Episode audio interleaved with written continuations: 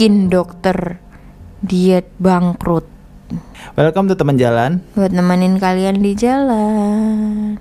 Kalian pernah nggak sih uh, diet, terus kalian tuh ngerasa kayak, ah ini diet ini cocok nih buat aku, tapi kalian takut yang kalian lakuin tuh salah apa bener, jadi kalian nanya ke ahlinya. Pas nanya ke ahlinya, kok sama ahlinya disalah-salahin, padahal kalian suka dan kalian ngerasa badan kalian sehat. Ini yang dirasain ibu itu. M I D S Ho karena udah nutup klinik penurun berat badan. Wow. Mana menurutmu? No. Bahkan belum tahu ceritanya initial, ya. Initial judgment no. Ya, yeah, oke. Okay. Aku wanita 47 tahun, kehilangan pekerjaanku dan juga asuransi. Penghasilanku yang hampir nggak cukup buat bertahan hidup. Aku mulai rutin pergi ke klinik kesehatan murah yang dikelola oleh pemerintah. Aku adalah salah satu orang yang bertubuh besar, seriusan. Aku perlu nurunin berat badanku sekitar 120 kg.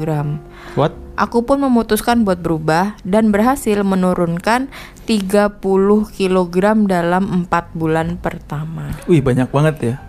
Hampir 10 kilo per bulan. 2 kilo per minggu. Tapi untuk orang yang super obes 20 kilo per minggu 120 2 kilo per 2 kilo per minggu.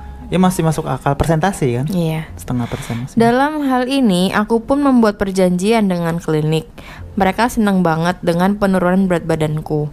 Aku tanya beberapa hal tentang dietku, tapi aku dikasih rujukan agar aku bisa bicara langsung dengan ahli gizi. Perjanjiannya ini dilakukan di klinik penurun berat badan di seluruh kota. Mereka udah bekerja sama dengan pemerintah untuk menawarkan diskon sebagai upaya untuk mencegah penyakit serius yang disebabkan oleh obesitas. Aku udah ngisi semua dokumen dalam satu menit dan ditunjukkan ke kantor tempat mereka mengambil fotoku meskipun aku merasa keberatan. Aku masih berpikir kalau aku akan bertemu dengan seorang ahli gizi. Namun, aku benar-benar kaget waktu ngelihat siapa yang datang. Apa? Aku tebak. Personal trainer, gym rat. Aku dokter Dam. Kamu tahu operasi gastroktomi bukanlah obat ajaib yang bisa nurunin berat badan? Aku jawab, "Hah? Siapa yang ngomongin operasi? Aku cuma mau nanya soal dietku." Dokternya jawab, dietmu jelas nggak berhasil. Ya, atau paling nggak kamu nggak akan bisa jadi ukuran yang kamu mau. Aku udah nyetak catatanku dari Fitbit yang menunjukkan semua waktu yang udah aku habisin buat olahraga, apa yang aku makan, dan berapa banyak berat badanku yang udah turun. Dokter juga ngomong kalau itu semua palsu dan ngasih tahu aku kalau aku punya peluang kurang dari 5% buat berhasil. Dan semakin cepat aku menerimanya, bahwa aku harus dioperasi, semakin baik nanti hasilnya. Dia ngasih aku nasihat-nasihat tanpa sekalipun ngangkat HP-nya. Dia bilang aku sebagai pecandu makanan dan bertanya obat apa yang aku minum. Gak ada, semua yang aku bilang tuh gak dianggap sama dia. Bahkan waktu aku jelasin tentang apa yang aku pikirin, mungkin ada alergi makanan, dia malah ngasih aku jadwal diet yang isinya makanan-makanan yang gak bisa aku makan. Semua alasan yang kamu bilang padaku, kau bakal terus nambah berat badan dan bakal meninggal dalam setahun. Katanya lalu keluar. Aku langsung menangis. Sebulan berikutnya aku ngeliat fotoku yang mereka ambil di klinik ada di halte bis. Bersebelahan dengan foto lamaku yang mereka ambil dari Facebookku. Keduanya diedit. Yang satu dibuat biar aku kelihatan lebih besar dan yang satunya dibuat seolah aku jadi lebih kecil. Bagian dari dokumen yang aku isi emang bilang kalau mereka bisa menggunakan fotoku buat dijadikan iklan mereka. Aku menolak untuk menandatanginya dan aku mencoret bagian itu lalu aku nulis halaman ini tidak ditandatangani di bawahnya. Anjir. Aku pun langsung nelpon teman pengacaraku yang ngirim surat ke mereka ngasih tahu kalau kelegalan mereka akan ditunda jika mereka nggak narik iklan tersebut. Seminggu berikutnya, diumumkan kalau klinik penurun berat badan tersebut menghentikan program pemotongan biaya mereka. Aku dapat surat dari klinik yang murah kalau mereka nggak lagi akan memberikanku perawatan kesehatan karena ya kita tahulah karena tindakan balas dendamku terhadap dokter Dam. Selanjutnya juga dikatakan kalau aku udah ngambil akses perawatan medis yang menyelamatkan menyelamatkan jiwa orang miskin yang layak dan mengatakan kalau tindakanku egois dan memalukan. Am I the asshole? Karena nyuruh mereka buat narik fotoku Untuk informasi, sekarang udah enam bulan dan aku udah menurunkan 55 kilogram. Anjir dia mau setahun doang selesai. Ini kayaknya nggak sehat juga deh ini. Aku akan menambahkan ini karena dua orang ngirimin aku pesan tentang ini ya. Dokter Dam itu bukan nama asli, hehe. Eh, nurunin berat badan, diet untuk kesehatan itu kan aslinya penting banget kan Jim ya. Cuman eh, bakal jadi berbahaya dan bakal jadi nggak baik buat kesehatan kalau melakukannya tuh kayak terburu-buru atau eh, nggak menemukan sesuai sama dirimu sendiri kayak gitu loh. Karena perjalanan untuk mencari pola makan yang sehat itu juga selain emang kebiasaan, emang harus dibentuk dari mental juga kan. Karena overeating itu bukan sekedar bukan sekedar penyakit fisik, tapi emang mungkin bisa jadi penyakit mental juga. Jadi emang harus dicari akar sebenar-benarnya dulu buat dibenerin. Tapi perkara dokter itu dia malah kayak gituin pasiennya menurutku sangat nggak etis karena kan yang namanya pasien karena kan yang namanya pasien pasti percaya 100% kan sama dokternya. Yang mana dia bakal dengerin banget dokternya tuh ngomong apa? Yang disayangkan itu kalau sampai ada dokter yang kena power syndrome jadi udah tahu ada orang yang menggantungkan hidupnya ke omongannya dia justru malah si dokter ini memakai itu untuk personal gain. Kan dengan adanya operasi obes kan mungkin ya dokternya bakal dapat duit kayak gitu jadinya dia sampai sejahat itu gitu loh ngomongnya kamu nggak bakal sukses lah apalah kalau nggak operasi kayak gitu gitu padahal ngelihat progresnya anak ini kan sebenarnya bagus kan si ibu ini kok anak ini sih Iya, progresnya si 47 ibu ini kan gila udah ya, umur bagus 47 kan. punya semangat kayak gitu Iya gokil. makanya. Tapi nggak dipungkiri tuh banyak sebenarnya kejadian kayak gini. Jadi dia ngakunya dokter, tapi ahli gizi juga bukan. Udah berani-berani ngasih meal plan Mm-mm. dan ma- yang mana meal plannya itu juga nggak personalized ke satu pasien, tapi benar-benar meal plan yang sengaja sekedar low calorie aja gitu Iya, loh. kayak dibikin kayak minimalnya orang-orang itu apa BMR-nya berapa? Iya, kayak BMR dia berapa dikasih segitu itu pun nggak nggak yang segitu sih sebenarnya. Lebih kayak misalnya dibilangin biasanya makan seberapa, berarti sekarang makan seperempatnya atau setengahnya kayak gitu-gitu karena saking nggak maunya dia bikinin personalized Mm-mm. meal plan gitu. Kalau aku sih lebih percaya sama dokter ahli gizi yang bisa ngasih personalized gitu. Jadi dicari tahu ini orang emang ada kelainan di apanya atau dia eh, cocoknya mungkin makan apa. Kayak ditanya misalnya kamu makan apa. makan gara-gara kenapa misalnya overeating gara-gara apa mungkin harus dirujuk ke mana kan kayak gitu kan Nggak maksudnya kalaupun nggak sampai sedetil Iya, itu, at least harus diketahui dulu pasiennya ini bisa makan apa, nggak bisa makan apa, terus dia tuh eh kayak respon sama daging merah ataukah daging unggas atau harus Ikan. ikan. kayak gitu kan tiap orang beda-beda.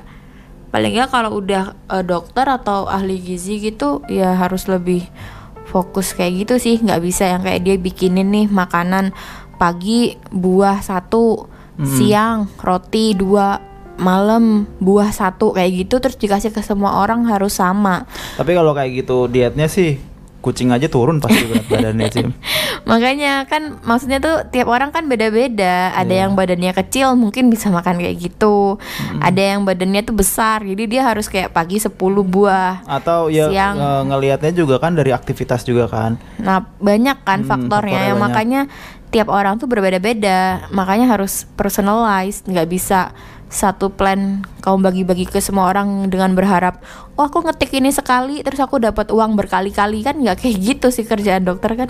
Mm-mm. Menurutku sih nggak sesimpel itu. harusnya nggak sesimpel itu Tapi kenyataannya banyak gitu. yang berkedok gara-gara punya eh, license dokter Iya, license dokter yang mana padahal itu pun bukan ahli gizi, Bukan tapi sosokan ngasih dan nggak pernah juga terjun di dunia diet misalnya Iya. gitu ya cuma gara-gara dia dokter terus dia bisa ngeracik-racik obat Mm-mm. untuk menaikkan metabolisme lah atau untuk bikin perut murus-murus kayak gitu. Hmm. Terus ya nganggap itu sebuah program gitu. Padahal it's not, it's not that simple kan. Iya, serem sih ya. Tapi kalau kita kan ada man of science gitu kan ya kita percaya sama science gitu dan orang yang kita percaya untuk membawa itu kan salah satunya adalah engineer, dokter, scientist kayak gitu kan. Sedangkan kalau dokter pertama muncul gitu, terus mereka uh, tanpa berbicara soal latar belakang sains, karena kita kan terlalu bodoh juga mungkinnya untuk dijelasin terus dari awal sampai habis kayak gitu kan. Jadi kita cuma dapat uh, apa hasilnya doang tanpa harus ngelihat risetnya. Tapi ya kadang-kadang bingung, jangan-jangan dokter ini nggak baca riset apa-apa kayak gitu loh terus juga nggak update soal ilmu-ilmu diet yang yang lagi baru-baru ini berkembang misalnya kayak gitu kan terus ya udah gitu Cuman Justru malah yang kita lihat banyak ngerti soal diet itu malah orang-orang gym. Yeah, Rasa body, gak sih? Bodybuilder biasanya. Bodybuilder hmm. gitu kan. Anehnya yang backgroundnya tuh dokter gitu uh, apa ya? Kalau kita mau ngeliat gini deh, mana yang bakal lebih diuntungkan? Si dokter buka program kurus program diet hmm. atau si bodybuilder yang cuma bikin video YouTube yang mana dia juga nggak dibayar gitu loh. Iya. Tapi orang tuh kan gara-gara license pasti percaya sama si dokter, dokter gitu kan. dan kita datang kita bayar padahal mm -mm, padahal dokter itu dia emang butuh duit. Maksudnya dia emang dapat duit langsung gitu hmm. loh dari program dietnya dari dia. perorangan yang datang ke dia. Iya sedangkan si uh, youtuber sini, iya. uh, uh, si youtubernya ini kan enggak gitu loh. Jadi sebenarnya kalau mau dilihat mana yang paling ada modus kan yang paling modus malah si dokternya enggak iya, sih? benar. Karena dia yang paling diuntungkan kan.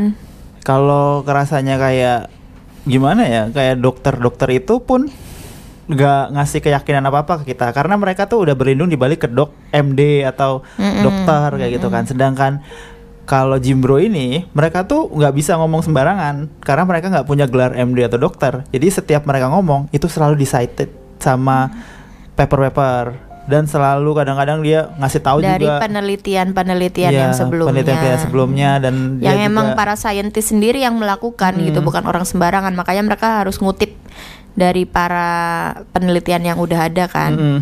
yang udah terbukti jadi nggak boleh sembarangan hmm. sedangkan ada jadi ada dua nih. Yang satu yang tadi itu yang kita bilang orang gym tapi dia ngambil semua program dia itu dari uh, penelitian dari saintis yang ada sebelumnya. Jadi hmm. mereka nggak pernah berani ngeluarin fakta-fakta dari mereka sendiri gitu loh. Nggak berani ngomong, oh protein lebih bagus dari lemak atau apa gitu. Mereka pasti ngomongnya, menurut paper ini itu gini gini gini gini hmm. kayak gitu kan mereka hmm. beraninya gitu. Nah kebalikannya sama dokter. Dokter gara-gara dia emang udah punya license sebagai dokter, jadi banyak yang udah berani ngomong misalnya kayak uh, fakta ini lebih baik daripada ini. Jadi harusnya ininya dikit-dikit atau ininya banyak kayak gitu. Yeah. tanpa ng ngasih tahu kita sumbernya dari mana? basicnya apa mm -hmm. gitu loh. Mereka sumbernya tuh apa bisa ngomong kayak gitu. Tapi cukup dengan ngomong aku dokter aku ngerti segalanya kayak hmm, gitu loh. Hmm.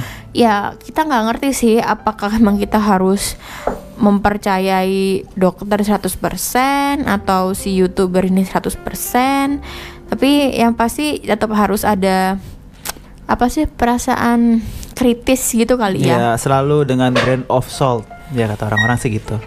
Jadi jangan terlalu gampang percaya sama siapa pun. Emang kita harus eh, cari-cari tahu sendiri. Lagi pula juga biasanya Jimbro itu selalu ngasih tahu juga. Kayak anak-anak youtuber itu ngasih tahu kayak ini eh, nggak uh, di nggak ada diet yang cocok buat semua orang. Dan semua itu very tergantung sama kebutuhan kamu kayak gimana kayak gitu kan. Kalau ada juga yang bilang ya anggap deh uh, apa sih? Nah ada yang nanya kan apa sih diet yang terbaik itu? Apa itu clean eating? Kayak gitu misalnya. Clean eating menurut keto anak-anak keto itu berarti kan nggak makan nasi nggak makan gandum kayak gitu. Sedangkan clean eating menurut vegan itu nggak makan daging. Jadi kalau kamu vegan dan keto kamu kan nggak dapat makan apa-apa jadi beneran nggak ada diet yang fit buat semua orang yang cocok buat semua orang. Kamu harus nyari sendiri apa yang sesuai sama yang kamu butuh dan apa yang sesuai apa yang bisa kamu lakukan jangka panjang kayak gitu. Berat sih emang untuk orang yang udah diet dan udah jalan 6 bulan kayak ibu ini itu apa pun yang dia lakuin ya works buat dia gitu kan dan dia emang butuh kayaknya butuh ini aja deh pengakuan dari dokter kayak ya yang kamu lakuin ini udah benar hmm. kayak gitu kan tapi baik ngecek aja kan hmm, dietnya dia ini gimana sih aman gitu. apa bahaya atau kayak hmm. gimana kan kayak gitu tapi malah dokternya Malah ngata-ngatain dan nyuruh operasi aja. Karena kalau emang di Amerika itu emang digampangin banget sih ya semua orang obesitas tuh selalu disaranin buat operasi Iya, kan. gastric bypass. Segitu aja dari kita. Ketemu lagi besok. Bye bye.